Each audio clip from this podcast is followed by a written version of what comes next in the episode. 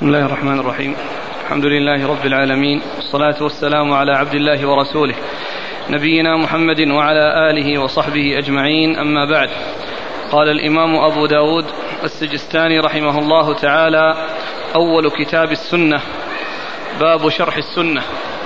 قال حدثنا وهب بن بقية عن خالد عن محمد بن عمرو عن أبي سلمة عن أبي هريرة رضي الله عنه أنه قال قال رسول الله صلى الله عليه وعلى آله وسلم افترقت اليهود على إحدى أو سنتين وسبعين فرقة وتفرقت النصارى على إحدى أو سنتين وسبعين فرقة وتفترق أمتي على ثلاث وسبعين فرقة. بسم الله الرحمن الرحيم. الحمد لله رب العالمين. وصلى الله وسلم وبارك على عبده ورسوله نبينا محمد وعلى آله وأصحابه أجمعين. أما بعد فيقول الإمام أبو داود السجستاني رحمه الله تعالى كتاب السنة.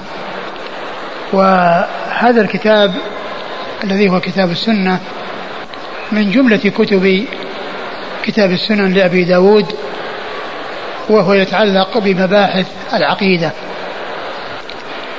ولفظ السنة يأتي عند السلف يراد به ما يتعلق بالعقيدة.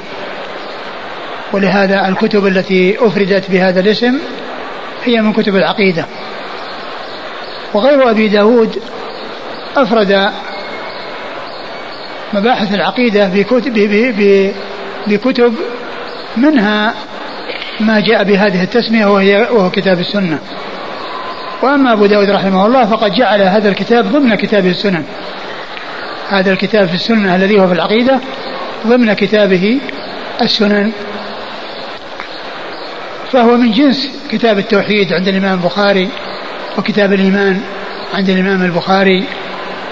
أي أن أن آه الكتاب الجامع يشتمل على كتب في العقيدة ككتاب الإيمان وكتاب السنة وكتاب التوحيد وغير ذلك من الكتب التي هي ضمن الكتب الجامعة.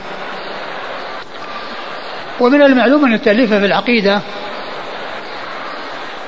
آه، له طريق له حالتان أو له طريقتان. إحداهما طريقة المتقدمين وهي أنهم يذكرون الأحاديث والآثار بالأسانيد ويخصصون كتبا للعقيدة باسم السنة أو باسم الإيمان أو باسم الردع الجهمية أو غير ذلك.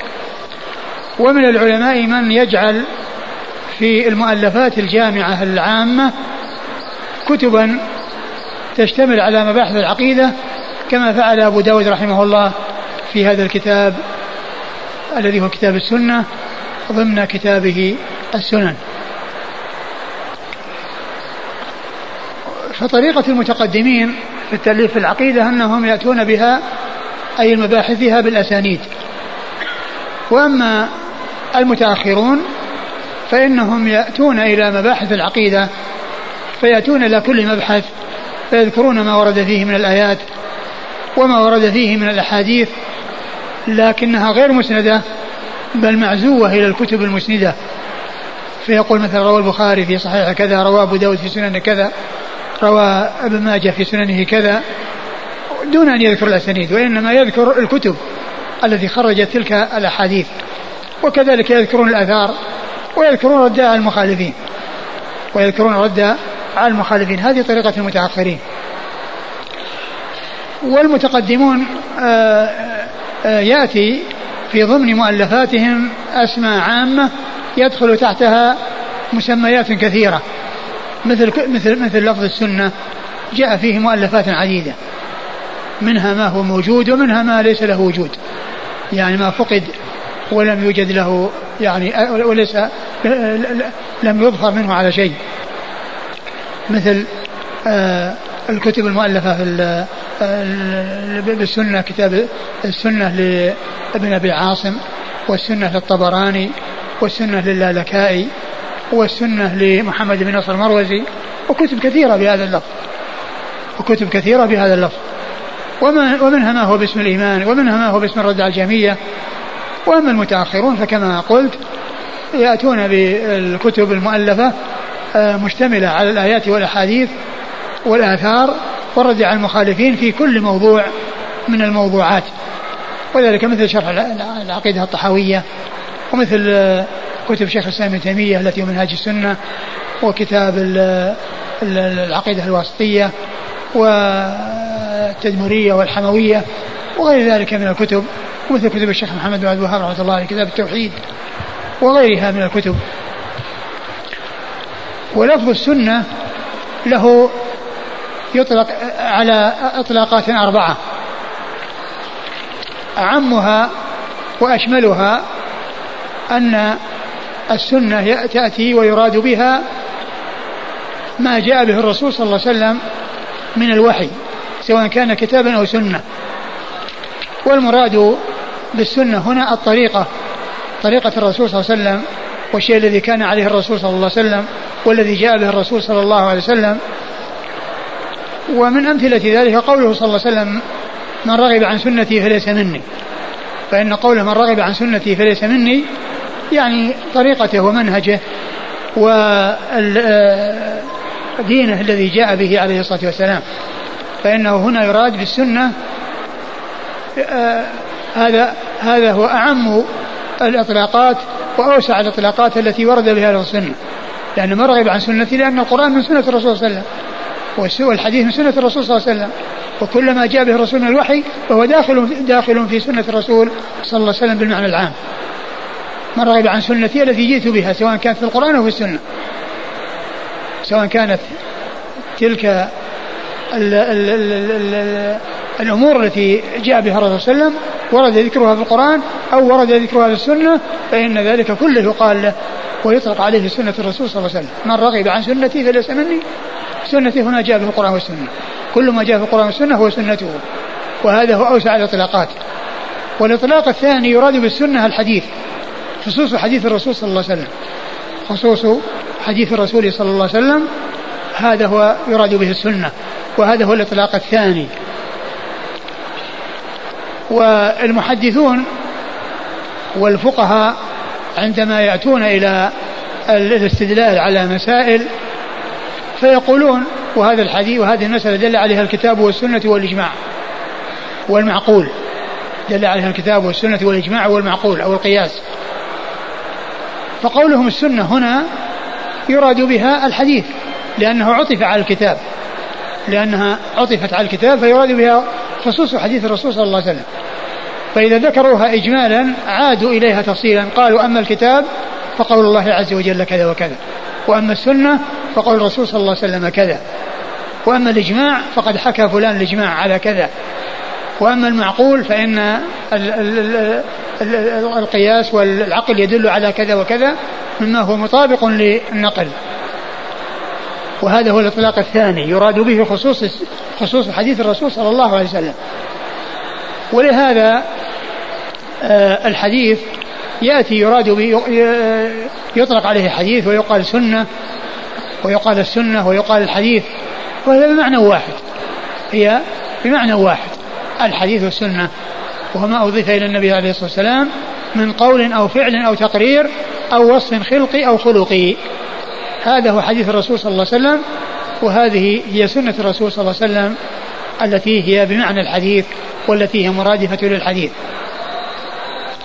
الإطلاق الثالث يؤتى بالسنة في مقابل البدعة ومنه ما معنا هنا فإن قول كتاب السنة أي ما يعتقد طبقا للسنة مخالفا ما هو مبتدع ومباينا لما هو مبتدع فيؤتى بالسنة في مقابل البدعة يؤتى بالسنة في مقابل البدعة ومنه كتاب السنة يعني ما يعتقد طبقا للسنة أو فلان من أهل السنة يعني ممن هو على عقيدة سليمة وعلى عقيدة صحيحة ويقال هذا سني ويقال هذا بدعي. يعني إذا كان من السنة وإذا كان من أهل البدع. فإن المراد بالسنة هنا أو الإطلاق الثالث ما يقابل البدعة. السنة ما يقابل البدعة ومنه الذي معنا هنا في كلام في كتاب أبي داود كتاب السنة الذي هو ضمن كتاب السنن أي ما يعتقد طبقا للسنة. أو أو العقيدة السليمة المستقيمة التي هي مطابقة للسنة. هذا هو المراد بالسنة. والإطلاق الرابع ما يوافق المندوب أو المستحب في اصطلاح الفقهاء. وذلك أن الفقهاء يعني عندهم يقسمون الأحكام إلى واجب ومندوب ومحرم ومكروه ومباح. خمسة. فما أمر به على سبيل الإيجاب يقال له واجب. ما أمر به على سبيل الإلزام والإيجاب هو الذي يثاب فاعله ويعاقب تاركه هذا يقال له واجب. وهناك مندوب مأمور به ليس على سبيل الإيجاب وإنما على سبيل الاستحباب. وهذا هو الذي يقال له في اصطلاح الفقهاء سنة ويقال له مندوب ويقال له مستحب. فإذا جاء في كتب الفقهاء يسن كذا يستحب كذا يندب كذا أو هذا سنة أو هذا مندوب أو هذا مستحب فإنه يقصد بذلك ما أمر به أمرا ليس على سبيل الإيجاب. المأمور به ليس على سبيل الإيجاب وإنما على سبيل الاستحباب.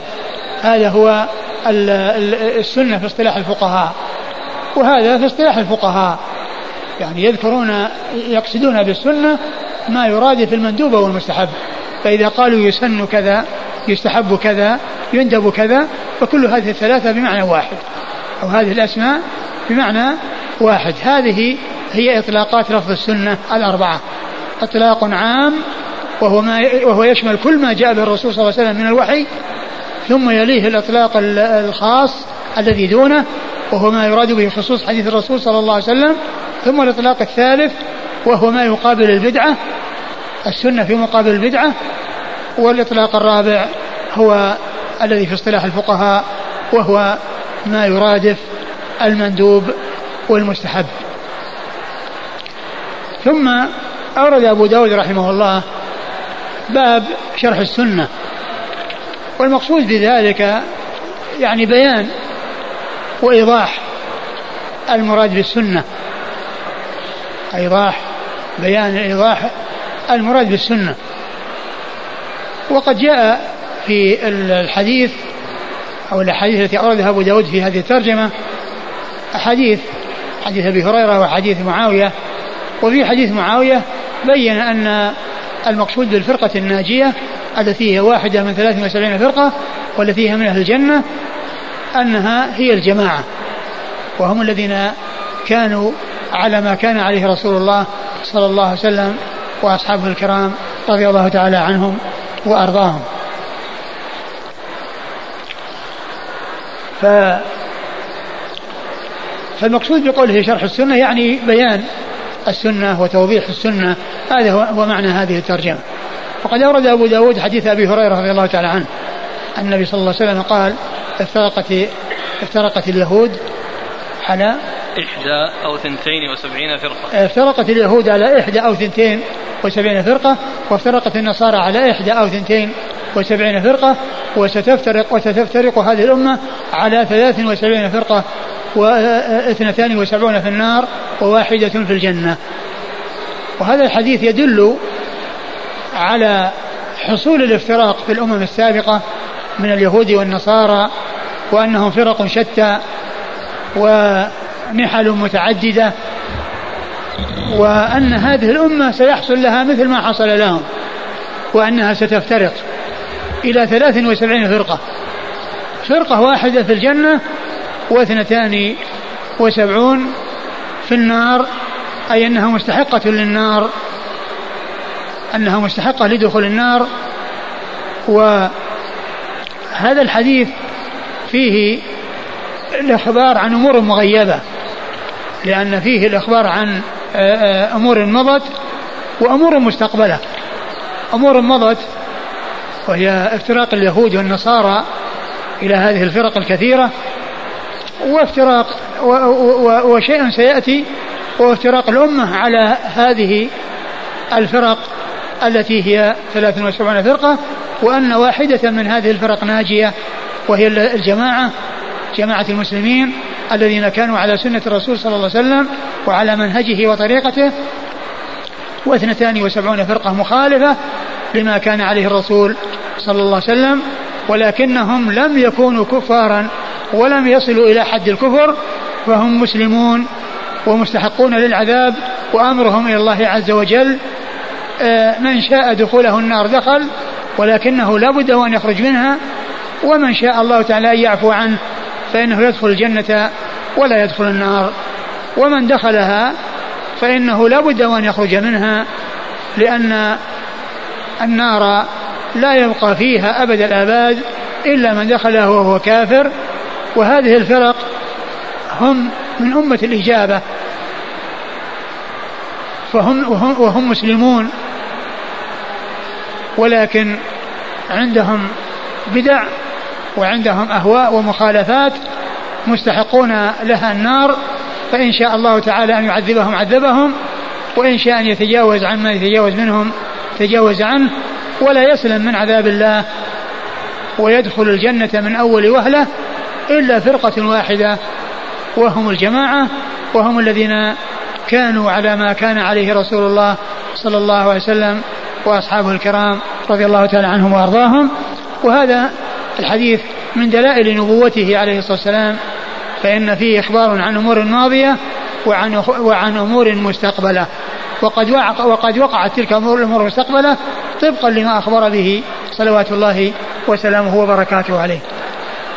فهو من أحاديث أو من الأحاديث الدالة على نبوته ومشتملة على علامة من علامات نبوته وهو الإخبار عن أمر مغيب وذلك المغيب منه ما هو ماضي ومنه ما هو مستقبل والماضي لا شك أنه وقع طبقا لما أخبر به عليه الصلاة والسلام والمستقبل أيضا وقع طبقا لما أخبر به عليه الصلاة والسلام. ثم الأمة في الحديث قال وإن أمتي ستفترق على 73 فرقة يراد بذلك أمة الإجابة لأن أمة الإجابة هم المسلمون. الذين دخلوا في الإسلام. وفيهم من هو سالم من البدع وفيهم من هو واقع في البدع. والأكثرون هم الواقعون في البدع. وهم مستحقون للنار وأمرهم إلى الله عز وجل. وأمرهم إلى الله عز وجل. فإذا الأمة في الحديث أمة الإجابة. والأمة أمتان. أمة نبينا محمد عليه الصلاة والسلام أمتان. أمة دعوة وأمة إجابة. فأمة الدعوة هم الإنس والجن. من حين بعث رسول الله صلى الله عليه وسلم إلى قيام الساعة. كل إنسي وجني من حين بعثة الرسول عليه الصلاة والسلام إلى قيام الساعة فهو من أمة محمد صلى الله عليه وسلم أمة الدعوة. أي أن الدعوة موجهة إليه. ومكلف بما جاء به الرسول ومطالب بما جاء به الرسول صلى الله عليه وسلم. فإن دخل في دينه وآمن به واتبع ما جاء به فقد سلم. ومن أعرض ولم يدخل في ما جاء به من الدين الحنيف فإنه يكون كافرا ومآله إلى النار. ولو كان تابعا لنبي من الأنبياء السابقين لأن لأنه بعد بعثة الرسول صلى الله عليه وسلم ختمت ببعثته الرسالات وتعين على كل من كان موجودا في زمنه. ومن حين بعث أن يدخل في دينه وإلا فإنه ليس أمامه إلا النار وهو كافر من الكفار. ولهذا جاء في الحديث الذي رواه مسلم في صحيحه عن النبي عليه الصلاة والسلام أنه قال والذي نفسي بيده لا يسمع بي أحد من هذه الأمة يهودي ولا نصراني ثم لا يؤمن بالذي جئت به إلا كان من أصحاب النار. فقوله في هذا الحديث لا يسمع بي أحد من هذه الأمة يهودي ولا نصراني هذه أمة الدعوة. لأنه ذكر اليهود والنصارى فيها. واليهود والنصارى هم من أمة محمد صلى الله عليه وسلم. وهم مدعوون ومطالبون بدخول بالدخول في دينه. ومن أبى ولم يدخل في دينه فهو كافر. وليس له إلا النار. يكون خالدا فيها مخلدا فيها أبد الآباد إلى غير نهاية. والذي نفسي بيده لا يسمع بأحد من هذه الأمة يهودي ولا نصراني. ثم لا يؤمن بالذي جئت به إلا كان أصحاب النار. ولا ينفعه أن يقول أنه تابع لموسى إذا كان يهوديا أو أنه تابع لعيسى إذا كان نصرانيا. لأن تلك الرسالات انتهت ونسخت ببعثة نبينا محمد عليه الصلاة والسلام. فشريعته ناسخة لجميع الشرائع ولا يقبل الله من أحد دينا سوى الدين الذي جاء به الرسول الكريم صلوات الله وسلامه وبركاته عليه. فاليهود لا ينفعهم أنهم يقولون أنهم أتباع موسى. بعد أن بعث رسول الله عليه الصلاة والسلام. نعم ينفعهم قبل أن يبعث النبي عليه الصلاة والسلام. أنهم أتباع موسى وأنهم يسيرون على موسى على طريقة موسى ومن كان على على على, على ما جاء به موسى أو أو ما كان على ما جاء به عيسى نعم فهو على حق في ذلك الوقت. أما بعد بعثة الرسول صلى الله عليه وسلم فلا ينفع أحد أن يقول أنه تابع لموسى أو عيسى. بل لابد أن يتبع محمد صلى الله عليه وسلم وإلا كان كافرا ليس أمامه إلا النار. و وعلى هذا فأمة فالأمة أمتان أمة دعوة وأمة إجابة. وأمة وأمة الدعوة هي التي جاء ذكرها في حديث والذي نفسي بيده لا, لا يسمع بها أحد من هذه الأمة. وأمة الإجابة هي التي جاءت في الحديث الذي معنا وهو إن أمتي ستفترق على 73 فرقة. 72 فرقة في النار وواحدة في الجنة. وقد جمع الله عز وجل بين الأمتين وبين ال ال ال ال ال من من الدعوة موجهة موجهة إليهم على سبيل العموم ومن كان موفقا للدخول في الإسلام بقول الله عز وجل جمع الله بينهما بقوله والله يدعو إلى دار السلام ويهدي من يشاء إلى صراط مستقيم. وقوله والله يدعو إلى دار السلام حذف المفعول أي كل أحد. كل مدعو إلى دار السلام. ما أحد يدعى وأحد لا يدعى. ما أحد يبين له وأحد لا يبين له. البيان حاصل لكل أحد. ولهذا أثبت الله لنبيه صلى الله عليه وسلم الهداية العامة وهداية الدلالة والإرشاد بقوله وإنك لتهدي إلى صراط مستقيم.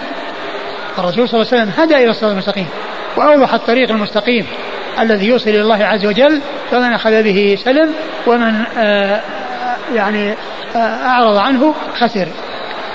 والله يدعو إلى دار السلام أي كل أحد. وإنك لا تهدي إلى صراط مستقيم. هذه هي الهداية العامة وهذه هي الدعوة العامة التي هي موجهة لكل أحد والتي هي لأمة الدعوة. ثم قال ويهدي من يشاء. وهؤلاء هم الذين وفقوا للدخول في الإسلام. وهداهم الله للصراط المستقيم ويهدي من يشاء إلى صراط مستقيم. ولكن هؤلاء الذين هدوا إلى الصراط المستقيم منهم من كان على الجادة سليما مستقيما ومنهم من كان عنده خلل. ولكنهم كلهم آه لا يخلد آه لا يخلد أحد منهم في النار الذين هم أمة الإجابة. أمة الإجابة الذين دخلوا في هذا الدين وعندهم شيء من النقص وعندهم شيء من البدع أو عندهم شيء من المعاصي. هؤلاء أمة اجابه وأمرهم إلى الله عز وجل. إن شاء عذب من عذب منهم وغفر وتجاوز عمن شاء التجاوز والمغفرة آه لما شاءه منهم. وكما قلت الحديث علم من علامات نبوته ودليل من من أدلة نبوته صلى الله عليه وسلم وهو الإخبار عن الأمور الماضية والإخبار عن الأمور المستقبلة. والأمور الماضية وقعت طبقا لما أخبر به والأمور المستقبلة منها ما وقع طبقا لما أخبر به كحصول التفرق الذي جاء في هذا الحديث وكالأمور التي كانت قريبة من زمن النبي عليه الصلاة والسلام من الأمور الغيبية التي أخبر بها عن أمور مستقبلة ومنها ما سيأتي مثل أخبار الدجال وعيسى بن مريم ويأجوج ومأجوج وما إلى ذلك من الأمور المستقبلة التي أخبر عنها الرسول صلى الله عليه وسلم ولم تقع. ولكنها لا بد وأن تقع ولا بد أن توجد في الزمن الذي شاء الله عز وجل أن توجد فيه. نعم.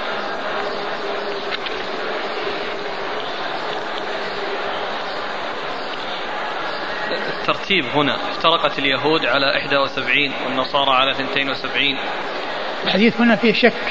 قال كل واحدة منهم قال إحدى أو اثنتين والثاني على إحدى أو اثنتين.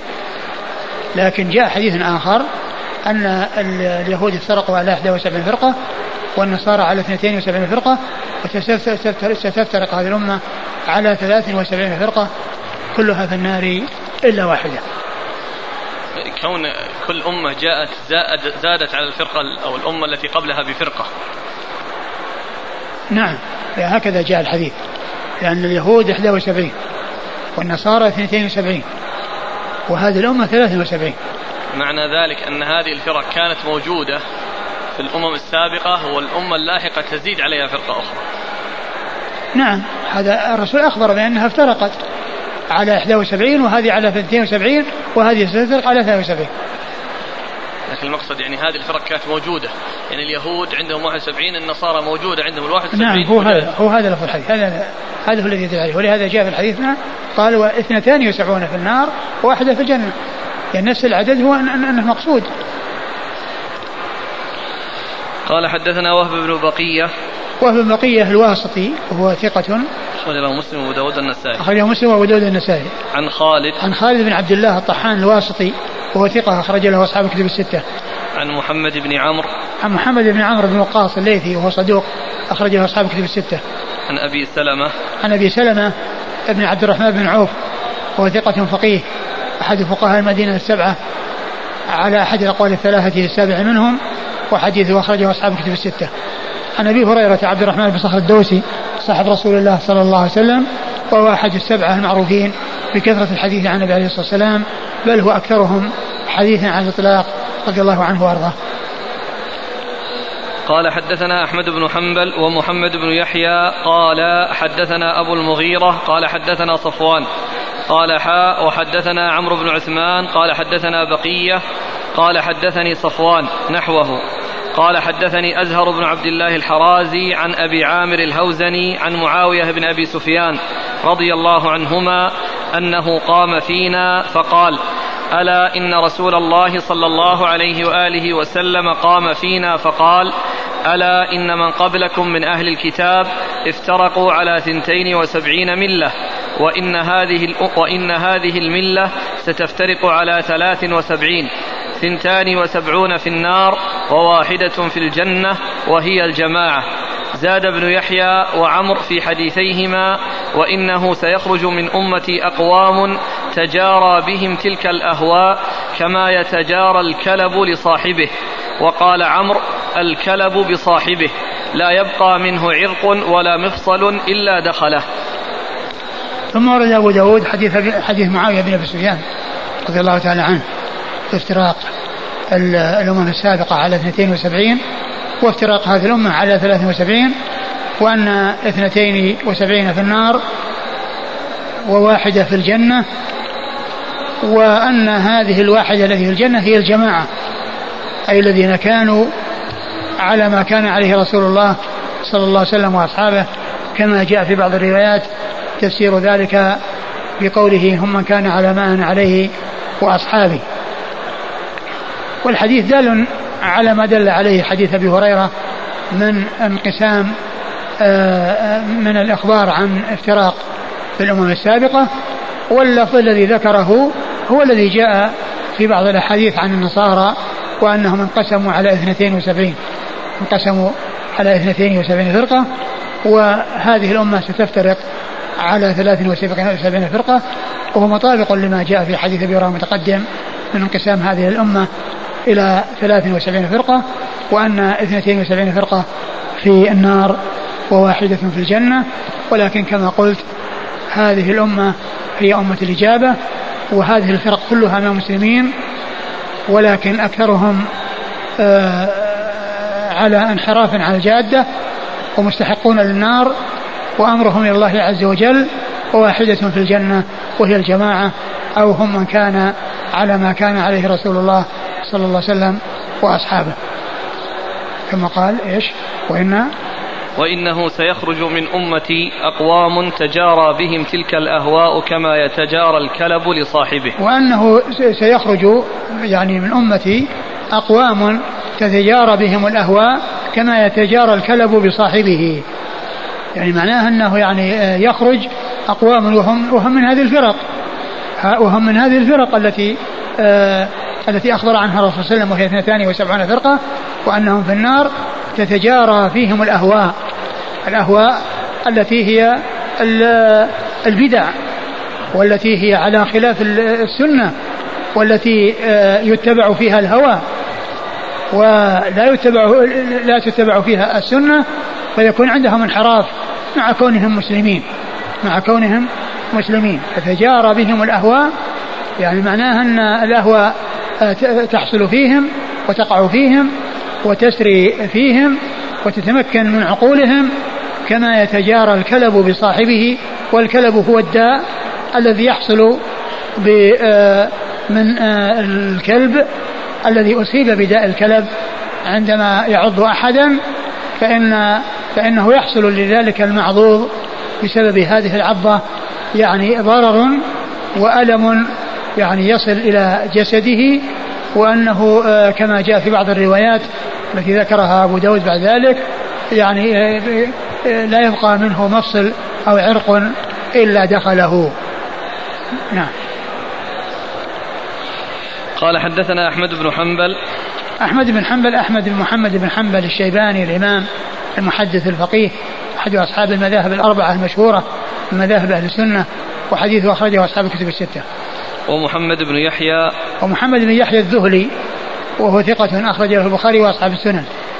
قال حدثنا أبو المغيرة. قال حدثنا أبو المغيرة هو عبد القدوس بن حجاج وهو ثقة أخرج له أصحاب الكتب الستة. عن صفوان. عن صفوان بن عمرو وهو ثقة أخرج البخاري في الأدب المفرد ومسلم وأصحاب السنن. ثقة أخرجه البخاري في الأدب المفرد ومسلم وأصحاب السنن. قال حا وحدثنا عمرو بن عثمان. ثم قال حا وحدثنا عمرو بن عثمان بن سعيد بن كثير بن دينار الحمصي وهو صدوق أخرجه أخرجه أبو داود والترمذي. أبو داود والنسائي وابن ماجه. أخرجه أبو داود والنسائي وابن ماجه. أخرجه أبو داود والنسائي وابن ماجه. عن بقية. عن بقية بن الوليد وهو صدوق أخرج له البخاري تعليقا ومسلم وأصحاب السنن. عن صفوان. عن صفوان هو بن عمرو الذي مر ذكره. نحوه قال نحوه يعني كان السياق كان على الإسناد الأول وأما الإسناد الثاني فهو على نحو آه، أو السياق الإسناد الثاني أو ما جاء في الإسناد الثاني على سياق ما جاء في الأول. عن أزهر بن عبد الله الحرازي. عن أزهر بن عبد الله الحرازي وهو صدوق أخرج له أبو داود والترمذي والنسائي. أخرج أبو داود والترمذي والنسائي. عن أبي عامر الهوزني. عن أبي عامر الهوزني وهو عبد الله بن لحي. عبد الله بن لحي وهو ثقة أخرج أبو داود والنسائي بن ماجه. ثقة أخرج أبو داود والنسائي بن ماجه. عن معاوية بن أبي سفيان. عن معاوية بن أبي سفيان أمير المؤمنين رضي الله عنه وأرضاه وحديثه أخرجه أصحاب الكتب الستة.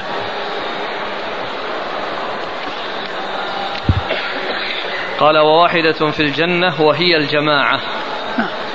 وهي نعم وهي الجماعة أي الذين كانوا على السنة.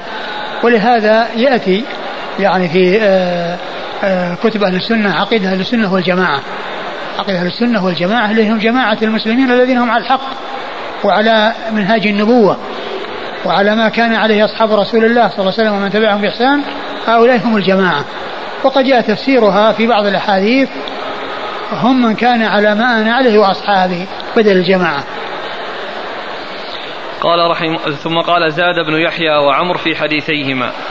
زاد بن يحيى وهو محمد بن يحيى الذهلي الذي جاء في الإسناد الأول وكذلك عمرو الذي جاء في الإسناد الثاني وأنه سيأتي وأنه لا قال في زاد في حديثيهما وإنه سيخرج من أمتي أقوام. هذا هو هذا الزيادة في هذه ليست عند الإمام أحمد. هذه الزيادة ليست عند الإمام أحمد وإنما هي عند محمد بن يحيى الذهلي وعند عمرو بن عثمان.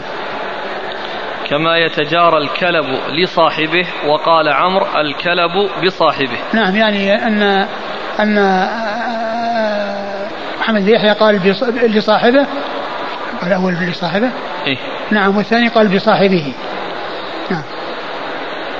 قال رحمه الله تعالى باب النهي عن الجدال واتباع المتشابه من القرآن. قال حدثنا القعنبي قال حدثنا يزيد بن إبراهيم التستري عن عبد الله بن أبي مليكة عن القاسم بن محمد عن عائشة رضي الله عنها أنها قالت قرأ رسول الله صلى الله عليه وعلى آله وسلم هذه الآية هو الذي أنزل عليك الكتاب منه آيات محكمات إلى أولو الألباب قالت فقال رسول الله صلى الله عليه وعلى آله وسلم فإذا رأيتم الذين يتبعون ما تشابه منه فأولئك الذين سمى الله فاحذروهم. ثم أورد أبو داود هذه الترجمة باب النهي عن الجدال واتباع المتشابه نعم. من القرآن. الجدال يعني في القرآن يعني بالباطل وبغير حق وكذلك اتباع المتشابه من القرآن الذي يكون دلالته فيها خفاء والقرآن فيه محكم ومتشابه. فيه محكم ومتشابه يعني محكم دلالته واضحة جلية لا خفاء فيها والمتشابه هذا هو الذي دلالته غير واضحة. وطريقة أهل السنة والجماعة أنهم يردون المتشابه إلى المحكم. وأما طريقة أهل الأهواء فإنهم يتركون المحكم ويصيرون إلى المتشابه. يتركون المحكم ويصيرون إلى المتشابه. ولهذا جاء في هذا الحديث عن عائشة رضي الله عنها قالت رأيتم الذين يتبعون ما تشابه منه فأولئك الذين سمى الله. فاحذروهم. أي الذين يتبعون المتشابه. فلا يردونه إلى المحكم لأنهم إذا ردوه إلى المحكم اتضح وتبين وصار الكل واضحا جليا. وأما إذا أخذوا المتشابه. ويعني آه، جذبوه إلى ما يريدون. يعني من تلك الاحتمالات. ولم يلحقوه بالمحكم الذي هو واضح جلي فيصير القرآن كله على نسق واحد وعلى طريقة واحدة. أولئك هم الذين ذمهم الله عز وجل وهم الذين يتبعون ما تشابه منه. ولهذا قالت فاحذروهم أي الذين هذا شأنهم أي الذين يتبعون المتشابه ولا يردون محكم إلى المتشابه. والقرآن وصف كله بأنه محكم وصف كله بأنه متشابه وجاء تقسيمه إلى محكم ومتشابه. فهناك إحكام عام وإحكام خاص ومحكم ومتشابه متقابلان. ويفسر كل واحد منهما بمعنى. فالمحكم القرآن كله محكم في غاية الإتقان وفي غاية الإحكام وهذا الإحكام العام. ومتشابه كله يشبه بعضه بعضا في الحسن. يشبه بعضه بعضا في الحسن. وجاء الإحكام العام في أول سورة هود كقوله كتاب محكمة آياته ثم فصلت من لدن حكيم خبير. وجاء التشابه العام في قوله الله نزل أحسن الحديث كتابا متشابها. مثانية تقشعر من جل الذين يخشى ربهم. فهنا وصف بأنه كله متشابه. وفي سورة هود وصف بأنه كله محكم. والإحكام العام هو كونه متقن وفي غاية الأحكام والإيضاح والبيان وكونه متشابه يعني يشبه بعضه بعضا. وأما آه، آية آل عمران فهي قسمته إلى محكم ومتشابه. والمحكم هو الواضح الجلي والمتشابه هو الذي في دلالته خفاء ويحتمل احتمالات ولكن طريقة أهل السنة والجماعة وطريقة الحق أنهم يردون المشابه المحكم. وأما طريقة أهل الأهواء فإنهم يتركون المحكم ويأخذون المتشابه. ولهذا قالت عائشة في الحديث الذي معنا إذا رأيتم الذين يتبعون ما تشابه منه فأولئك الذين سمى الله فاحذروهم. وآية عمران والذي أنزل عليك الكتاب منه آيات محكمات هن أم الكتاب. وأخرى متشابهات. وأخر متشابهات. فقسمه إلى محكم ومتشابه. والمحكم هو الواضح الدلالة والمتشابه هو الذي خفي الدلالة. وأهل الحق وأهل السنة والجماعة يردون المتشابه إلى المحكم. يردون المتشابه إلى المحكم. أي الذي دلالته غير واضحة يردونه إلى ما دلالته واضحة. والقرآن يفسر بعضه بعضا ويوضح بعضه بعضا. نعم. قال حدثنا القعنبي. القعنبي عبد الله بن مسلمة بن قعنب القعنبي ثقة أخرجه أصحاب الكتب الستة إلا ابن ماجه. عن يزيد بن إبراهيم التستري. عن يزيد بن إبراهيم التستري وهو؟ ثقة أخرج أصحاب الكتب. ثقة أخرج أصحاب الكتب الستة. عن عبد الله بن أبي مليكة. عن عبد الله بن أبي مليكة عبد الله بن عبيد الله بن أبي مليكة ثقة أخرج له أصحاب الكتب الستة. عن القاسم بن محمد. عن القاسم بن محمد بن أبي بكر الصديق وهو ثقة وهو أحد فقهاء المدينة السبعة في عصر التابعين. أخرج له أصحاب الكتب الستة. عن عائشة أم المؤمنين رضي الله عنها وأرضاها الصديقة بن الصديق وهي واحدة من سبعة أشخاص عرفوا بكثرة الحديث عن النبي صلى الله عليه وسلم. قال رحمه الله تعالى باب مجانبة أهل الأهواء وبغضهم. قال حدثنا مسدد قال حدثنا خالد بن عبد الله قال حدثنا يزيد بن أبي زياد عن مجاهد عن رجل عن أبي ذر رضي الله عنه أنه قال قال رسول الله صلى الله عليه وعلى آله وسلم أفضل الأعمال الحب في الله والبغض في الله. ثم أورد أبو داود هذه الترجمة باب في باب مجانبة أهل الأهواء وبغضهم. مجانبة أهل الأهواء وبغضهم. مجانبة أهل الأهواء يعني بعده البعد عنهم وعدم مخالطتهم وبغضهم. أي كل إنسان يبغضهم من أجل الله. يبغضهم من أجل الله من أجل ما هم عليه من الأهواء ومن أجل مخالفتهم للسنة وارتكابهم البدع ووقوعهم في البدع. يبغضون لذلك. ولا يعني آه، ويبتعد عنهم. وهذا هو معنى المجانبة. يعني يكون في جانب وهم في جانب بحيث لا يكون معهم بحيث يسلم من بدعهم ومن بلائهم. ومع ذلك يبغضهم. مع كونه يجانبهم ويبتعد عنهم أيضا يبغضهم.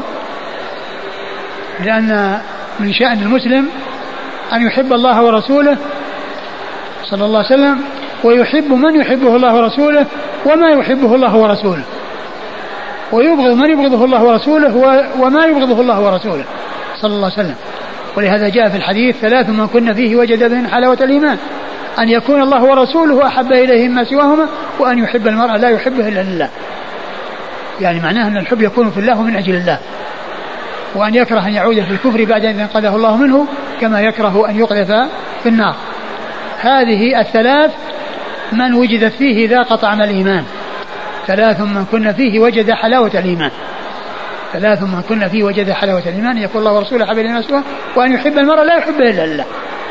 وهذا هو الذي يطابق ما, ما, ما نحن فيه من جهة أنه يبغض يبغض أهل الأهواء والبدع أي يبغضهم من أجل الله لأنهم انحرفوا عن الجادة وأنهم خرجوا عن الصراط المستقيم وعن المنهج القويم الذي كان عليه رسول الله صلى الله عليه وسلم.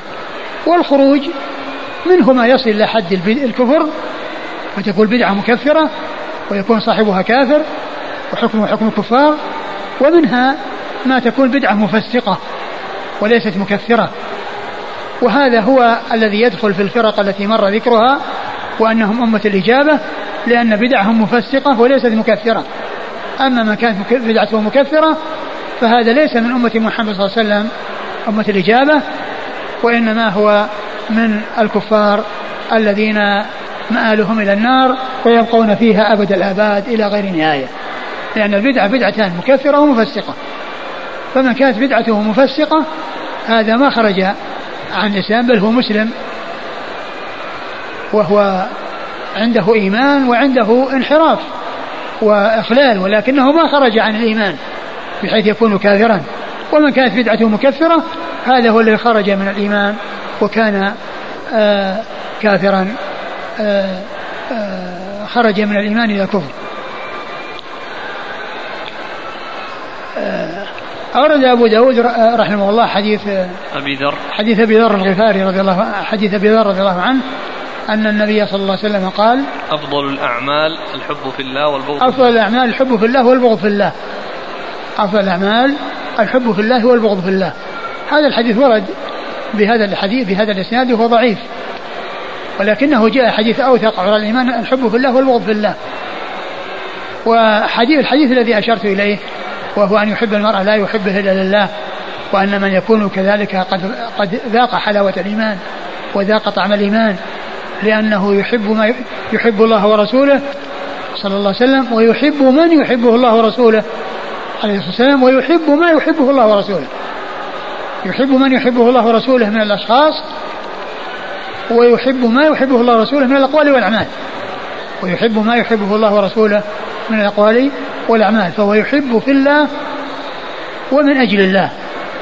يحب ما يحبه الله ويبغض ما يبغضه الله ويحب من يحبه الله ويبغض من يبغضه الله. نعم. قال حدثنا مسدد. مسدد بن مسرهد البصري ثقة. أخرج حديث البخاري وأبو داود والترمذي والنسائي. عن خالد بن عبد الله. عن خالد بن عبد الله الطحان وهو ثقة أخرج أصحاب الكتب الستة. عن يزيد بن أبي زياد. يزيد بن أبي زياد وهو ضعيف أخرج له. البخاري تعليقا ومسلم وأصحاب السنة. البخاري تعليقا ومسلم وأصحاب السنة. عن مجاهد. عن مجاهد بن جبر المكي ثقة أخرج له أصحاب الكتب الستة. عن رجل عن أبي ذر. عن رجل هذا مبهم. عن أبي ذر جندب بن جنادة رضي الله عنه صاحب رسول الله صلى الله عليه وسلم وحديثه أخرجه أصحاب الكتب الستة. والحديث في إسناده رجل ضعيف ورجل مبهم وهو رجل. قال حدثنا ابن السرح قال أخبرنا ابن وهب قال أخبرني يونس عن ابن شهاب قال أخبرني عبد الرحمن بن عبد الله بن كعب بن مالك أن عبد الله بن كعب بن مالك وكان قائد كعب من بنيه حين عمي. قال سمعت كعب بن مالك رضي الله عنه وذكر ابن السرح قصة تخلفه عن النبي صلى الله عليه وآله وسلم في غزوة تبوك. قال ونهى رسول الله صلى الله عليه وعلى آله وسلم المسلمين عن كلامنا أيها الثلاثة حتى إذا طال علي تسورت جدار حائط أبي قتادة رضي الله عنه وهو ابن عمي فسلمت عليه فوالله ما رد علي السلام ثم ساق خبر تنزيل توبته. ثم ذكر حديث كعب مالك رضي الله عنه المتعلق بتخلفه عن غزوة تبوك. والرسول صلى الله عليه وسلم استنفر الناس وأمرهم بالخروج ولا يتخلف أحد إلا معذور. وهؤلاء الثلاثة تخلفوا وهم غير معذورين. والرسول صلى الله عليه وسلم آه، هجرهم وأمر الناس بعدم مخاطبتهم بحيث لا يكلموهم. وحصل لهم ما حصل ومكثوا على تلك الحال خمسين يوما ثم أنزل الله توبته عليهم. ومحل الشاهد من هذا الحديث كون الرسول صلى الله عليه وسلم تركهم خمسين ليلة وأمر الصحابة بهجرهم وتركهم وعدم مخاطبتهم حتى كانوا لا يردون عليهم السلام. وذلك للمعصية التي وقعوا فيها ويتخلفهم عن غزوة تبوك بغير عذر. تخلفهم عن غزوة تبوك بغير عذر.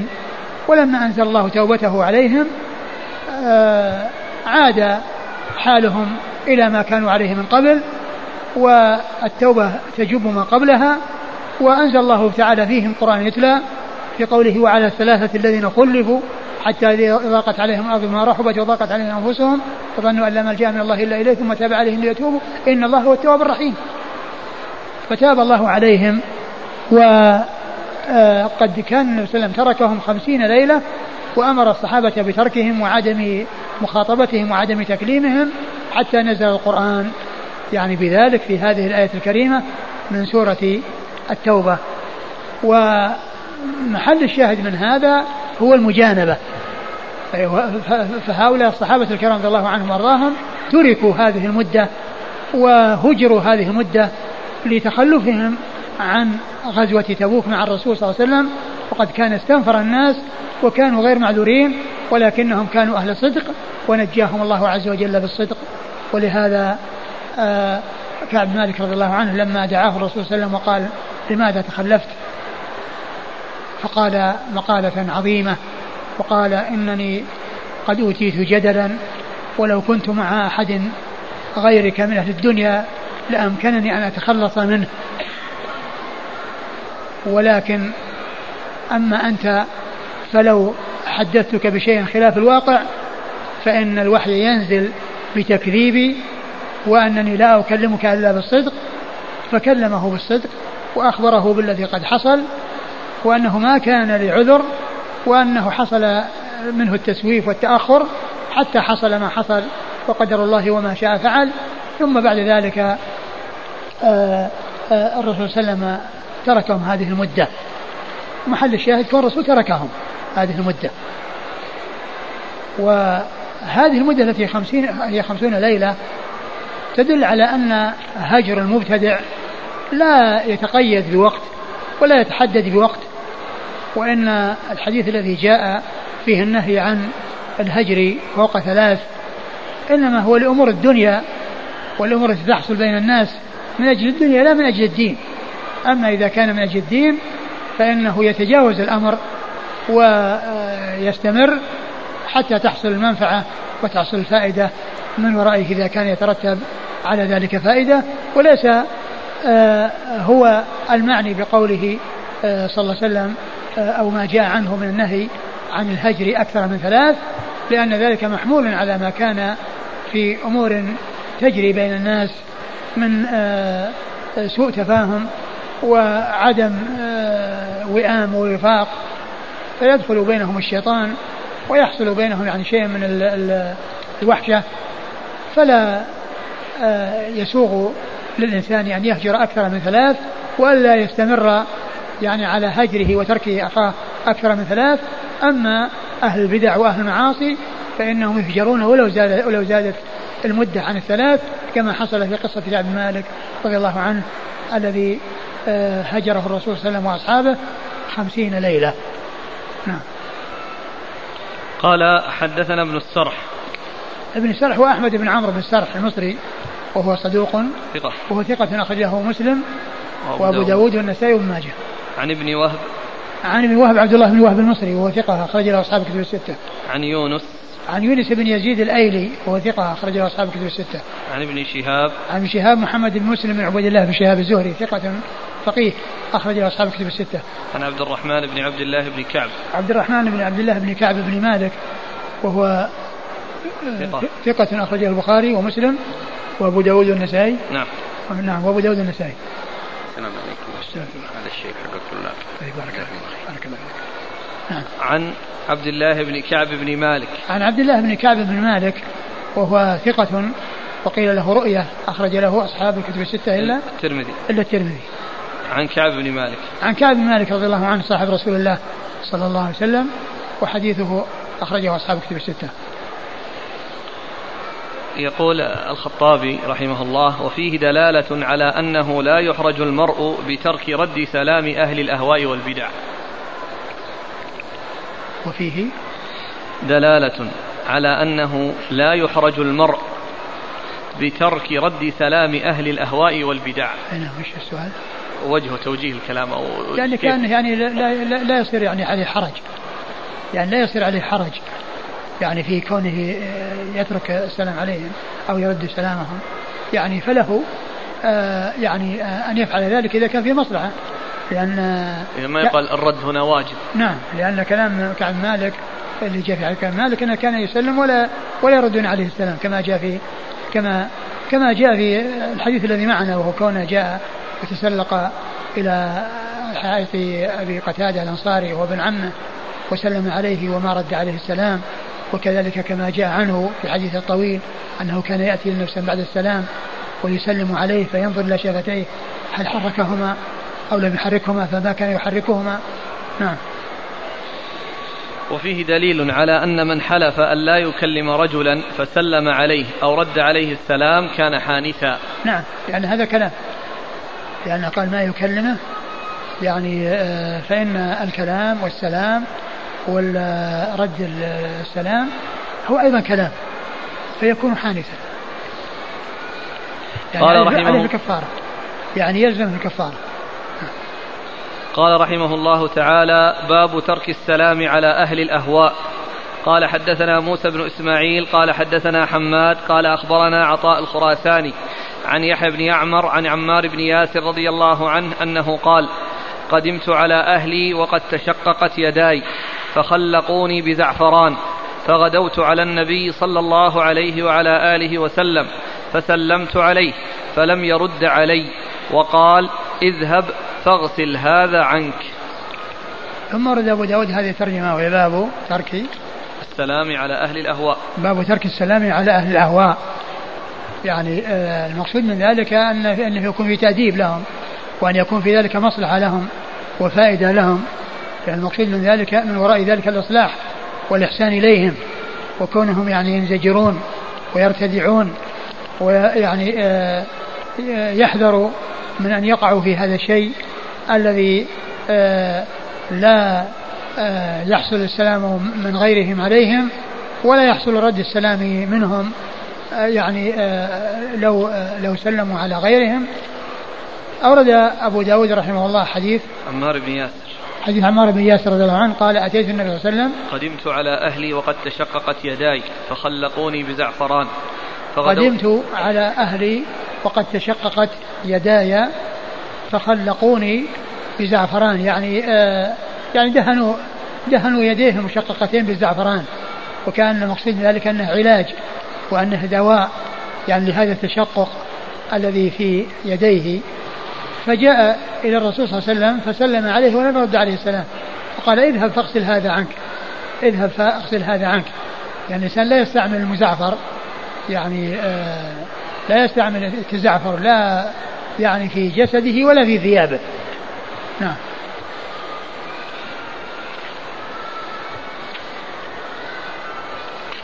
قال حدثنا موسى بن إسماعيل. موسى بن إسماعيل التبوذكي البصري ثقة أخرجه أصحاب كتب الستة. عن حماد. عن حماد بن سلمة هو ثقة أخرجه البخاري تعليقا ومسلم وأصحاب السنة. عن عط... عن عطاء.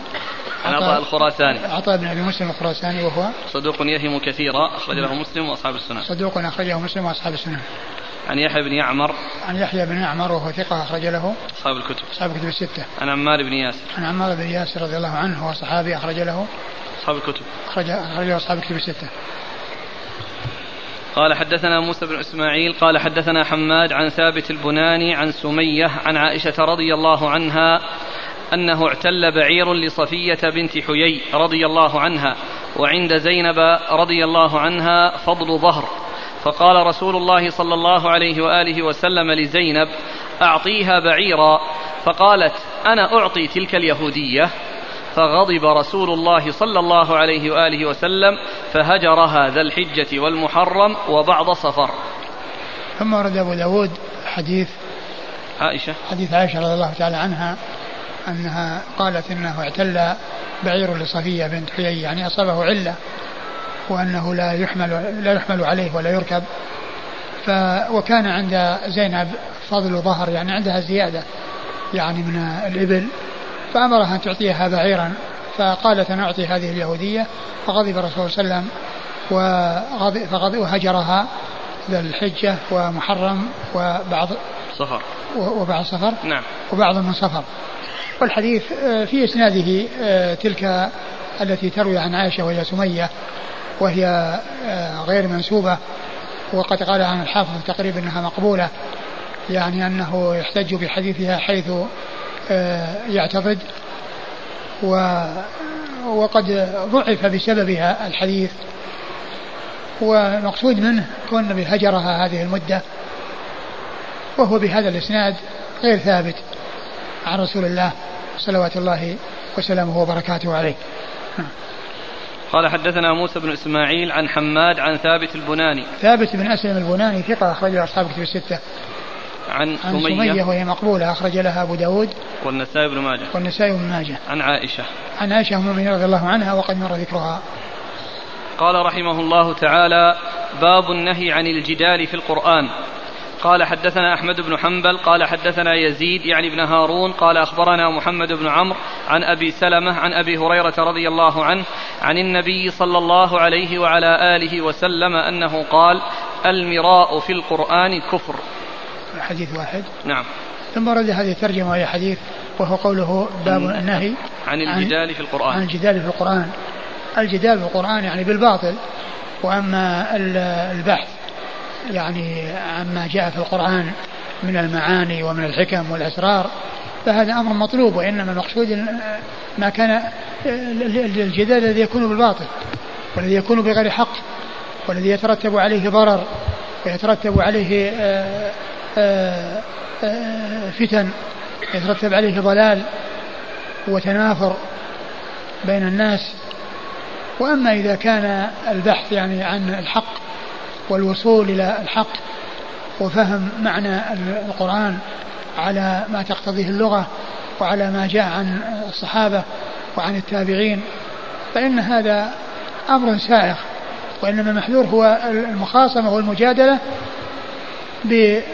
القرآن بغير حق. هذا هو المذموم. وقد أورد أبو داود حديث أبي هريرة. أبي هريرة رضي الله عنه أنه قال المراء في القرآن كفر والمراء هو الجدال.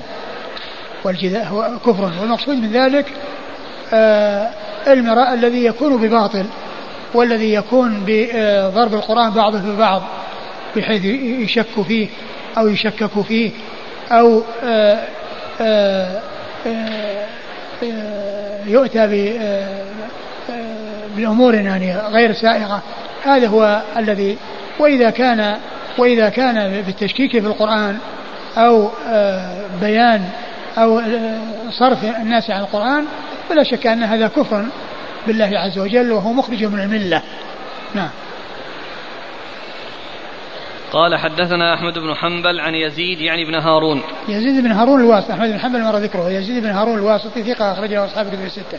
عن محمد بن عمرو عن أبي سلمة عن أبي هريرة. وقد مر ذكر الثلاثة محمد بن عمرو بن وقاص الليثي وأبو سلمة بن عبد الرحمن بن عوف وأبو هريرة. قد مر ذكر الثلاثة في إسناد سابق.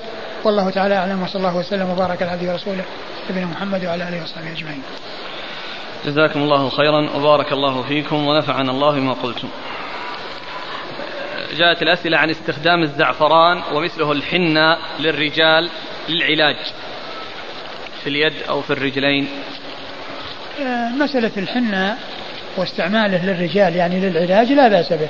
وأما بالنسبة للزينة فلا يجوز وإنما هو إنما هو للنساء فقط. هن التي يتزين بالحنة. وأما الرجال لا يتجملون بالحنة. الأحاديث التي جاءت في الهجر وترك السلام هي في من وقع في معصية فهل تقاس المعصية على البدعة كيف السؤال الأحاديث التي جاءت في الهجر هجر المبتدعة وترك نعم. السلام عليهم نعم.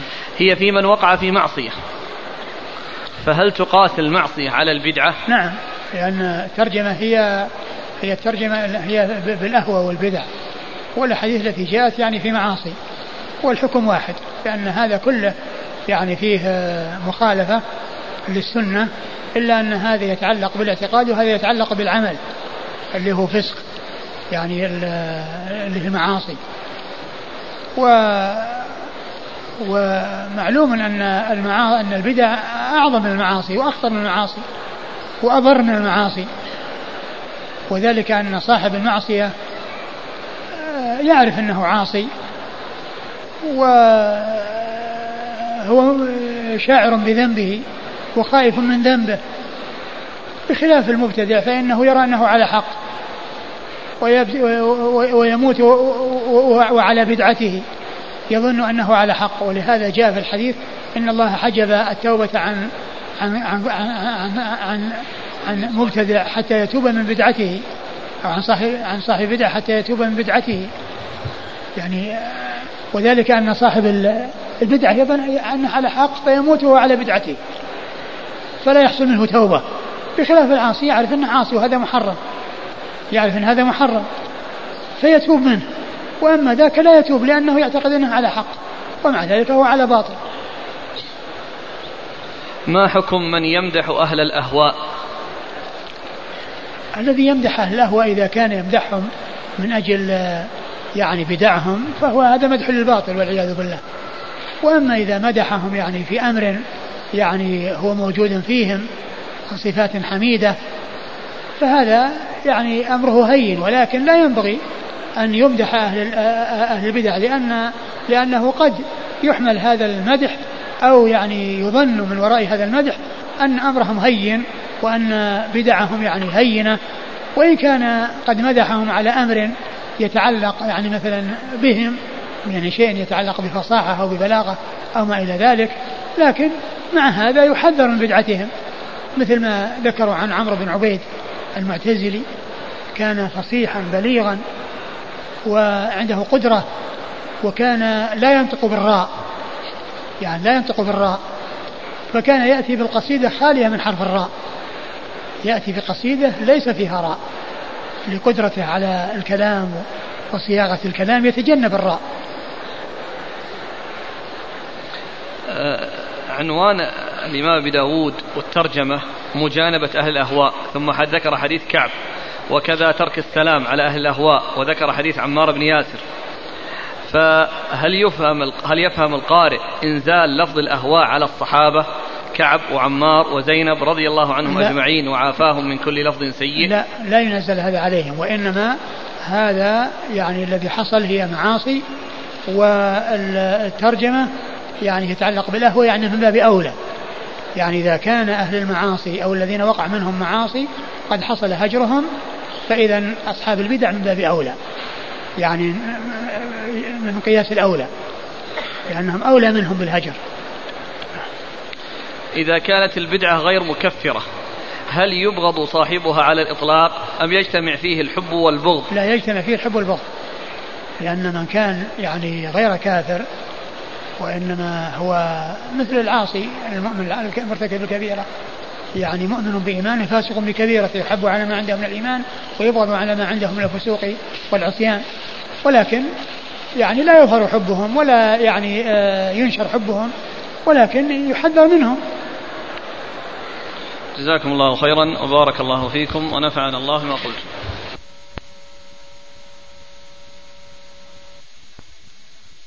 بسم الله الرحمن الرحيم الحمد لله رب العالمين والصلاة والسلام على عبد الله ورسوله نبينا محمد وعلى آله وصحبه أجمعين. أما بعد قال الإمام أبو داود السجستاني يرحمه الله تعالى باب في لزوم السنة.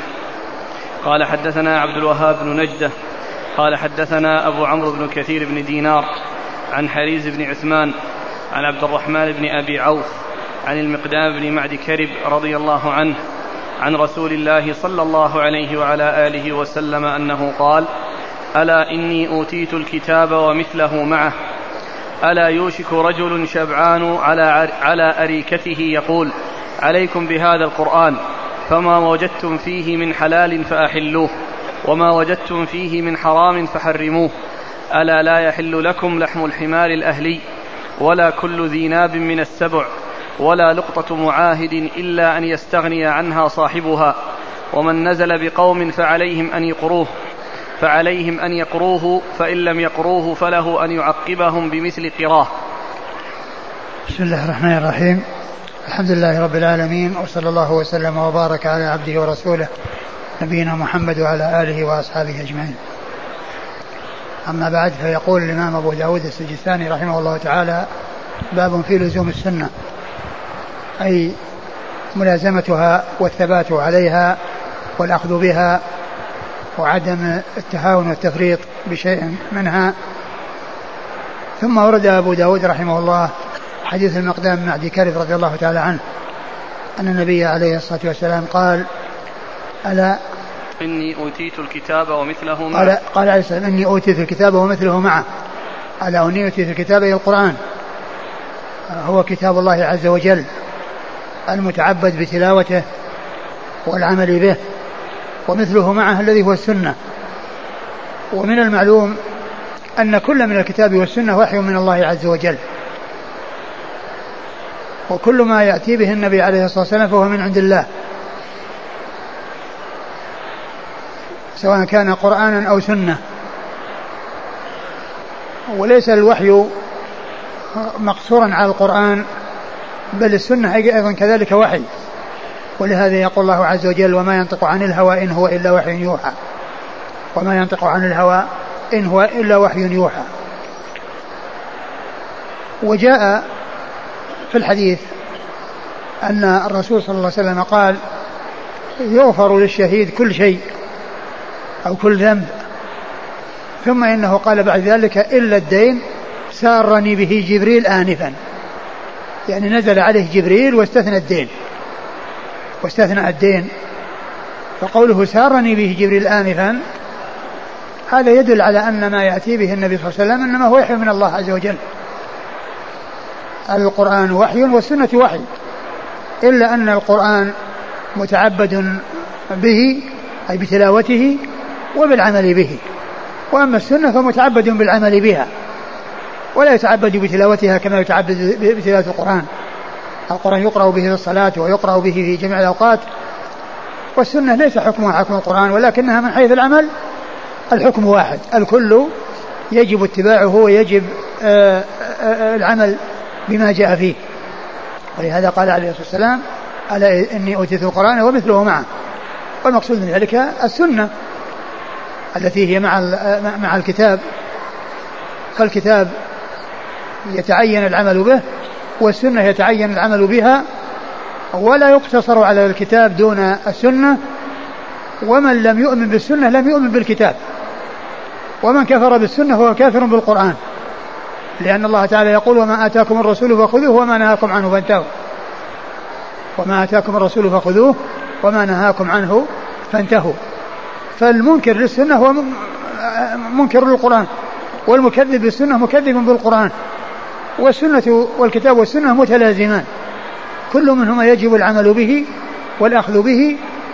ولا يمكن أن يقال أن الإنسان يمكن يستغني بالقرآن عن السنة وأنه لا يحتاج إلى السنة. ولو كان الأمر كذلك كيف يمكن للناس أن يصلوا؟ وكيف يمكن للناس أن يزكوا؟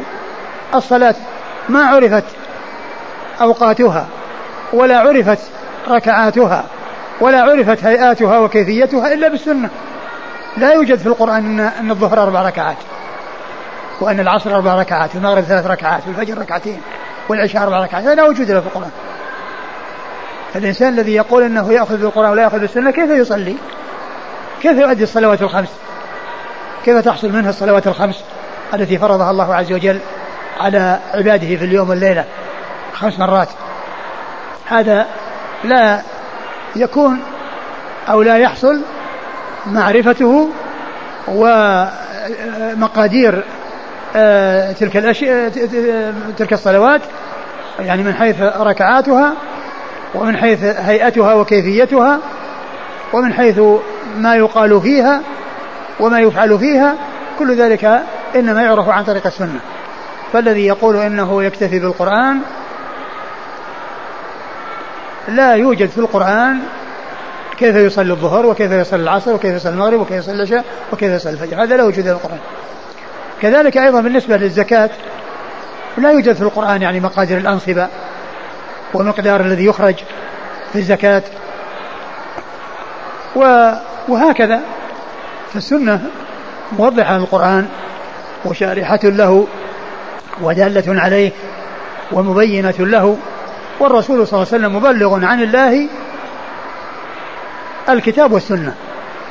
مبلغ عن الله ما جاء في الكتاب الذي هو القرآن وما جاء في حديث الرسول صلى الله عليه وسلم الذي هو وحي من الله عز وجل أوحى أوحاه إلى رسوله الكريم صلوات الله وسلامه وبركاته عليه. ألا إنني أوتيت القرآن ومثله معه. إيش بعده؟ ألا يوشك رجل شبعان على أريكته يقول عليكم بهذا الحق بهذا القرآن فما وجدتم فيه من حلال فأحلوه وما وجدتم فيه من حرام فحرموه. ثم قال عليه السلام ألا يوشك رجل شبعان على أريكته يقول ما وجدتم في هذا القرآن من حلال فحلوه وما وجدتم من حرام فحرموه. يعني مقتصرين على ما في القرآن. فما كان في القرآن حلالا فهو حلال وما كان في القرآن حراما فهو حرام. يعني والسنة ليست كذلك. والسنة ليست كذلك. ولهذا السيوطي رحمه الله لما ألف كتابه مفتاح الجنة في الاحتجاج بالسنة ذكر يعني كلاما في مقدمته وفي مطلعه أن يعني سبب تأليفه للكتاب أن رافضيا زنديقا قال إنه إنما يؤخذ بالقرآن دون السنة وأنه لا يؤخذ بالسنة. وكان فيما قال اعلموا رحمكم الله أن من العلم كهيئة الدواء وإن من الآراء كهيئة الخلاء. لا تذكر إلا عند الضرورة. آراء يضطر الإنسان إلى ذكرها وهي قبيحة وخبيثة وسيئة ولكن الضرورة ألجأت إلى ذلك. وكان الإنسان يحب أن ينزه لسانه من أن يتكلم في مثل هذا الكلام لكن الضرورة تلجئ إلى ذلك. وكان الكتاب الذي بناه أو بنى عليه ألف الكتاب من أجله اللي هو مفتاح الجنة في الاحتجاج بالسنة في هذا القائل الذي قال رافضيا زنديقا يعني قال كذا وكذا. ثم بين يعني ما جاء من النصوص في الاحتجاج بالسنة وما جاء عن سلف هذه الأمة. في الاحتجاج بالسنة وأنه يحتج بها مثل ما يحتج بالقرآن ويعمل بها مثل ما يعمل بالقرآن. ومن المعلوم أن المكذب بها مكذب بالقرآن لأن الله عز وجل يقول ما أتاكم الرسول فخذوه وما نهاكم عنه وانتهوا. ثم قوله لا يوشك يعني رجل شبعان. كلمة رجل ليس لها مفهوم لأنه يمكن أن تكون امرأة كذلك. أيضا امرأة تقول هذا مثل هذا الكلام. ولكن ذكر الرجال في الغالب لأن الخطاب يكون معهم في الغالب. والأصل هو تساوي الرجال والنساء. إلا أن يأتي شيء يدل على تخصيص النساء. فذكر الرجل هنا لا مفهوم له بمعنى أن النساء لا يحصل منهن ذلك بل قد يحصل قد يحصل من النساء. ولكن ذكر الرجال لأن الخطاب معهم في الغالب. ولهذا يأتي في النصوص كثيرا التنصيص على الرجال في أمور يشترك فيها الرجال والنساء. مثل قوله صلى الله عليه وسلم لا تقدموا رمضان بيوم أو يومين إلا رجلا كان يصوم صوما فليصوم. كذلك المرأة. التي تصوم من عادة الاثنين والخميس ثم وافق الاثنين والخميس يوم ثلاثين سواء كان رجل أو امرأة. وذكر الرجل لا مفهوم له. وكذلك من وجد متاعه عند رجل قد أفلس فهو أحق به من الغرماء. كذلك لو وجد متاعه عند امرأة قد أفلست فإنه أحق به. فذكر الرجل لا مفهوم له. والأصل هو التساوي بين الرجال والنساء في الأحكام. ألا يوشك رجل شبعان؟ وهذا يدل على يعني التنعم وقوله على أريكته يعني سريره. آه، يقول مثل هذا الكلام دون أن آه، آه، يتعب نفسه في العلم والاشتغال في العلم وتحصيل العلم وإنما يقول بغير علم. مثل هذا الكلام الجائر. والكلام القبيح. يقول عليكم بالقرآن ما وجدتم فيه من حلال أحلوه وما وجدتم من حرام فحرموه. أي مقتصرين على ذلك غير ملتفتين إلى السنة. ثم إن الرسول صلى الله عليه وسلم بين أحكاما أو أشار إلى أمور ليست في القرآن ولكنها في السنة. فقال ألا لا يحل لكم لحم الحمار الأهلي؟ ألا لا يحل لكم لحم الحمار الأهلي؟ هذا في السنة هذا مهم لا يوجد في القرآن. هذا لا يوجد في القرآن. فهذه أمثلة يعني من الأشياء التي جاءت في السنة ولا توجد في القرآن والواجب الأخذ بها كما يؤخذ بما جاء في القرآن والأخذ بها داخل تحت قوله سبحانه وتعالى وما أتاكم الرسول فخذوه وما نهاكم عنه فانتهوا. نعم. ولا كل ذي ناب من السبع. ولا كل ذي ناب من السبع. يعني آآ آه، آآ آه، أيضا ذلك محرم. وهذا لا يوجد في القرآن وإنما يوجد في السنة. فهذه آه، جمل أو أمثلة جاءت في هذا الحديث يبين فيه الرسول صلى الله عليه وسلم أن أن هذا مما هو مشروع ومما هو مكلف به ومع ذلك لا يوجد في القرآن. نعم. ولا لقطة معاهد معاهد إلا أن يستغني عنها صاحبها. ولا لقطة معاهد أو معاهد إلا أن يستغني عنها صاحبها يعني تركها. واستغنى عنها وليس بحاجة إليها والتنصيص على المعاهد لا يعني آه، أن الحكم يختص به. فإذا كان هذا بل آه، إذا كان هذا حصل في معاهد وبقي في بلاد المسلمين له عهد فالمسلم من باب أولى. وقد جاءت النصوص يعني العامة في اللقطة وفي بيان أحكام اللقطة فيعني هي عامة. ولكن التنصيص على المعاهد يعني آآ آه، آآ غيره أي اللي هو المسلم لقطته من باب أولى أن الإنسان لا يحل له أخذ الشيء وتملكه في الحال إلا إذا كان صاحبه تركه مستغنيا عنه وعرف أنه مستغنيا عنه أو كان من الأشياء التافهة التي لا يؤبه بها ولا يهتم بها. وإلا فإن الأصل هو التعريف للقطة. ومن نزل بقوم فعليهم أن يقروه فإن لم يقروه فله أن يعقبهم بمثل قراه. ومن نزل في قوم فعليهم أن يقروه يعني يعطوه القراء وهو الضيافة. فإن لم يقروه فله أن يعقبهم بمثل قراء يعني يأخذ من مالهم بمثل الشيء الذي يستحقه عليهم. وقيل إن هذا إنما هو في حق في حق المضطر الذي هو بحاجة إلى ذلك ومضطر إلى ذلك وأنه لو لم يحصل منه ذلك فإنه يكون آه، يعود على نفسه بالضرر أو يعرض نفسه للهلاك. أما إذا لم يكن كذلك فإنه لا آه، يفعل يعني مثل هذا الفعل. وبعض أهل العلم قال إن هذا منسوخ. نعم. قال حدثنا عبد الوهاب بن نجدة. عبد الوهاب بن نجدة ثقة أخرج له. أبو داود والنسائي. أبو داود والنسائي. عن أبي عمرو بن بن كثير بن عن دينار. عن أبي عمرو بن كثير وهو عثمان بن كثير وهو عثمان بن سعيد. بن سعيد بن كثير بن دينار الحمصي وهو ثقة أخرج له أبو داود والنسائي وابن ماجه. نعم. أبو داود والنسائي وابن ماجه. عن حريز بن عثمان. عن حريز بن عثمان الحمصي وهو ثقة أخرج له البخاري وأصحاب السنن. عن عبد الرحمن بن أبي عوف. عن عبد الرحمن بن أبي عوف وهو صدوق. ثقة. وهو ثقة أخرج له؟ داود النسائي. أخرجه أبو داود النسائي. عن المقدام بن معدي كرب. عن المقدام بن معدي كرب رضي الله عنه وهو صحابي أخرج حديثه. البخاري وأصحاب السنة. أخرج حديثه البخاري وأصحاب السنن أحسن الله إليك. يقول الخطابي والأريكة السرير. ويقال إنه لا يسمى أريكة حتى يكون في حجلة. إيش المراد؟ يعني كأنه فوقه يعني وطاء أو أو فراش يعني لين. نعم. ويقول أيضا وفي الحديث دليل على أنه لا حاجة بالحديث أن يعرض على الكتاب. نعم يعني حكم مستقل. يعني إذا وجد حديث صحيح ثابت عن رسول الله صلى الله عليه وسلم فإنه يعمل به دون أن ينظر هل هو موجود في الكتاب أو لا يوجد في الكتاب أو هل الكتاب فيه شاهد له أو ليس له شاهد. نعم بعض الأحاديث لها شواهد في الكتاب لكن لا يقال أن الحكم آه أن السنة أو ما جاء في السنة لا يؤخذ به إلا إن وجد ما يصدقه أو ما وجد ما يؤيده أو يوافقه مما هو القرآن بل هو أصل بنفسه. يعني هو أصل من السنة أصل بنفسها يعني مستقلة يؤخذ بها ويؤخذ بما فيها وإن لم يكن آه ذلك الذي فيها موجودا في الكتاب. وكما قلت آنفا أن أن السنة فيها أشياء لا بد للناس منها وهي لا توجد في الكتاب مثل مثل الركعات. ركعات الظهر والعصر والمغرب والعشاء والفجر هذه لا وجود لها في الكتاب. ومع ذلك الناس يصلون والصلاة هي الركن الثاني من أركان الإسلام وأعظم أركان الإسلام بعد الشهادتين وهذه كيفيتها التي جاء بيانها في سنة الرسول صلى الله عليه وسلم ولا يوجد بيانها وتفصيلها في القرآن. لا يوجد بيانها وتفصيلها في القرآن.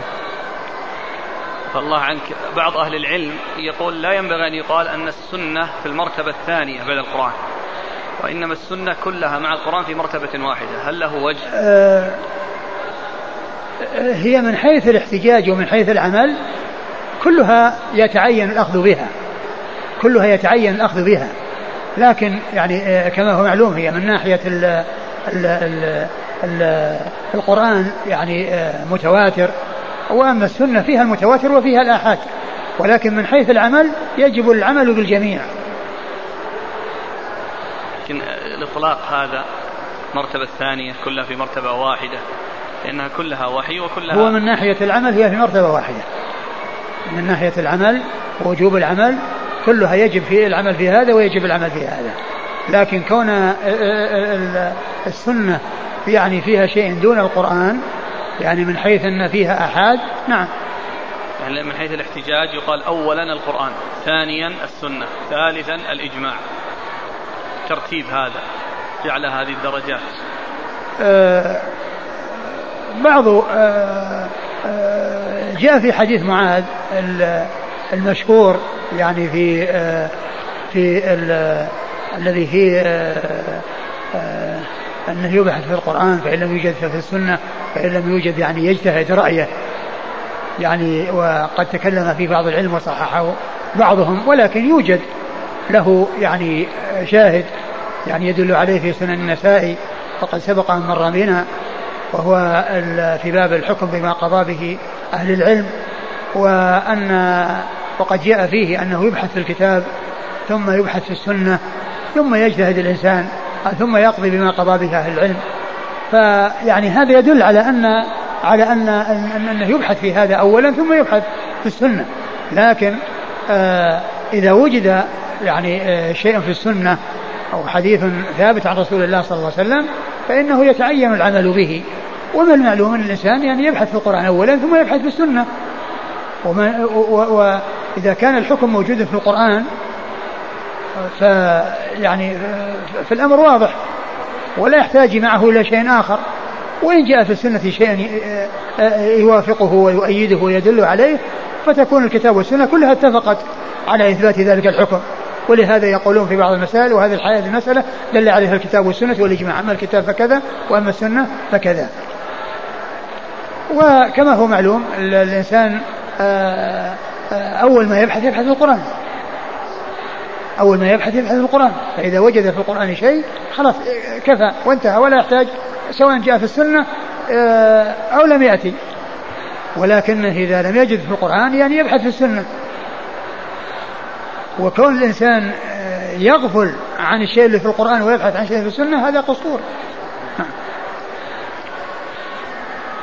قال حدثنا أحمد بن محمد. كما أن الإنسان الذي تجده يعني يبحث آه، عن حديث يعني في كتب آه، غير مشهورة أو كتب يعني غير معروفة في الصحة أو يلتزم لم يلتزم أصحاب الصحة مع أن الحديث يكون موجودا في الصحيحين يقولون في مثل هذا أبعد النجعة. يعني عبارة عند المحدثين وعند العلماء إذا كان آه، أتى بحديث موجود في الصحيحين ولكنه عزاه إلى غير الصحيحين أو أخذه من غير الصحيحين يقال أبعد النجعة. يعني معناه أنه ذهب بعيدا وترك آه، الشيء الذي كان يمكنه أن يكتفي به عن غيره. فإذا كان الحديث موجود في الصحيحين لا يحتاج إلى أن يبحث عنه في غير الصحيحين. نعم يمكن من ناحية آه، وجود كثرة المصادر وكثرة الطرق وكثرة المخارج لكن من ناحية الاكتفاء يعني ما جاء في الصحيحين يكفي. وكل إنسان آه، يعزو شيئا إلى السنن وهو موجود في الصحيحين هذا قصور. نعم. قال حدثنا أحمد بن محمد بن حنبل وعبد الله بن محمد النفيلي قال حدثنا سفيان عن أبي النضر عن عبيد الله بن أبي رافع عن أبيه رضي الله عنه عن النبي صلى الله عليه وعلى آله وسلم أنه قال لا ألفين أحدكم متكئا على أريكته يأتيه الأمر من أمري مما أمرت به أو نهيت عنه فيقول لا ندري ما وجدنا في كتاب الله اتبعناه. ثم ورد حديث أبي رافع وهو بمعنى حديث آه المقدم مع كرب المتقدم يعني في بعض ما جاء فيه. قوله صلى الله عليه وسلم لا ألفي أن أحدكم يعني لا أجد يعني أحدكم آه متكي على أريكته يأتيه الأمر من أمري مما أمرت به أو نهيت عنه فيقول لا ندري ما ما وجدناه. ما وجدنا في كتاب الله اتبعناه. ما وجدنا في كتاب الله اتبعناه. يعني معناه أن نقتصر على ما جاء في الكتاب. ولا نأخذ بشيء ما جاء في الكتاب. هذا باطل وهذا آه، مجانبة ومخالفة للحق وبعد عن الحق. فالحديث مثل ما جاء في حديث المقدام مع ذي كرب. نعم. قال حدثنا أحمد بن محمد بن حنبل. أحمد بن محمد بن حنبل الشيباني الإمام الفقيه. المحدث أحد أصحاب المذاهب الأربعة المشهورة من مذاهب السنة وحديثها أخرجها أصحاب الكتب الستة. وعبد الله بن محمد النفيلي. وعبد الله بن محمد النفيلي ثقة أخرجه البخاري وأصحاب السنة. عن سفيان. عن سفيان وهو ابن عيينة المكي وهو ثقة أخرج له أصحاب الكتب الستة. عن أبي النضر. عن النضر وهو سالم المدني وهو ثقة أخرج له أصحاب الكتب الستة. عن عبيد الله بن أبي رافع. عن عبيد الله بن أبي رافع وهو ثقة أخرج له أصحاب الكتب. أصحاب الكتب الستة. عن أبيه. عن أبيه أبي رافع رضي الله تعالى عنه مولى رسول الله صلى الله عليه وسلم وحديثه أخرجه أصحاب الكتب الستة. قال حدثنا محمد بن الصباح البزاز قال حدثنا إبراهيم بن سعد قال حاء وحدثنا محمد بن عيسى قال حدثنا عبد الله بن جعفر المخرمي وإبراهيم بن سعد.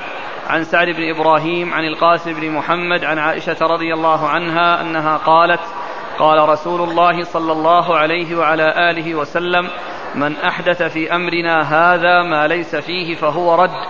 قال ابن عيسى قال النبي صلى الله عليه وعلى آله وسلم من صنع أمرا على غير أمرنا فهو رد. ثم ورد أبو داود حديث عائشة أم المؤمنين رضي الله عنها وأرضاها أن النبي صلى الله عليه وسلم قال من أحدث في أمرنا ما ليس منه فهو رد. من أحدث من أمرنا ما ليس فيه فهو رد. يعني أنه أحدث في دين الله عز وجل شيئا ليس من الدين وليس في الدين وإنما هو من محدثات الأمور التي حدث حذر منها رسول الله صلى الله عليه وسلم. وقد بين عليه الصلاة والسلام في هذا الحديث أن هذا الذي أحدثه مردود عليه وأنه رد على صاحبه وأن الأخذ به حرام وأخذ بالباطل وعمل بما هو محدث مما أحدث في الدين وليس من الدين. وهذا الحديث من جوامع كلمة عليه الصلاة والسلام.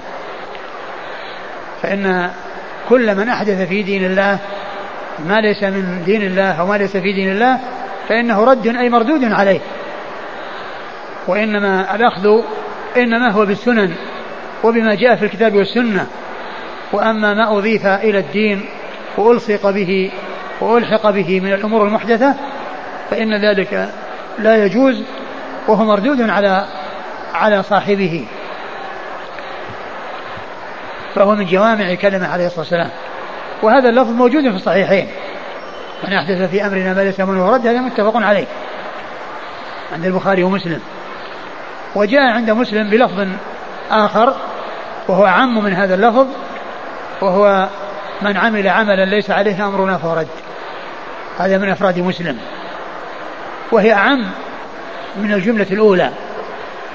لأن الجملة الأولى فيها إحداث وأما الثانية فيها عمل والعمل يدخل فيه ما كان محدثا أو ما كان متابعا للمحدث ما كان هو المحدث لتلك البدعة أو كان سبقه غيره إلى إحداثها ولكنه عمل بها واتبع المبتدع الذي ابتدعها.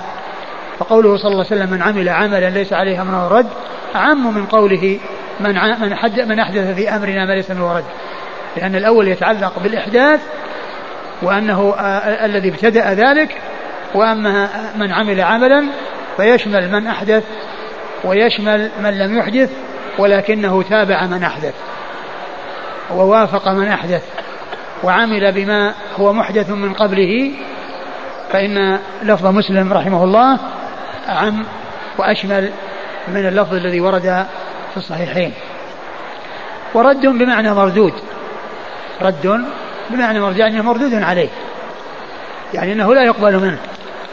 ولا ينفع صاحبه عند الله عز وجل كونه يتعبد بالبدع والمحدثات التي حذر منها رسول الله عليه الصلاة والسلام بقوله وإياكم محدثات الأمور فإن كل محدثة بدعة وكل بدعة ضلالة. حديث عائشة رضي الله عنها وأرضاها وقوله من أحدث في أمرنا ما ليس منه رد يدل على تحريم كل ما أحدث في دين الله مما ليس له أصل في دين الله. أما ما كان يعني له أصل ويدل عليه نصوص شرعية أو تدل عليه قواعد فهذا لا يقال إنه محدث وإنما المعول عليه الأصل الذي أخذ منه الذي أخذ منه وإنما كونه يحدث عبادة أو يحدث شيء ينسب إلى الدين وهو ليس من الدين فهذا هو الذي حذر منه الرسول صلى الله عليه وسلم كما سيأتي في حديث العباد بن سارية حيث رغب في السنن وحذر من البدع. نعم. قال حدثنا محمد بن الصباح البزاز. محمد بن الصباح البزاز ثقة أخرجه أصحاب الكتب الستة. عن إبراهيم بن سعد. عن إبراهيم بن سعد وهو ثقة أخرجه أصحاب الكتب الستة. قال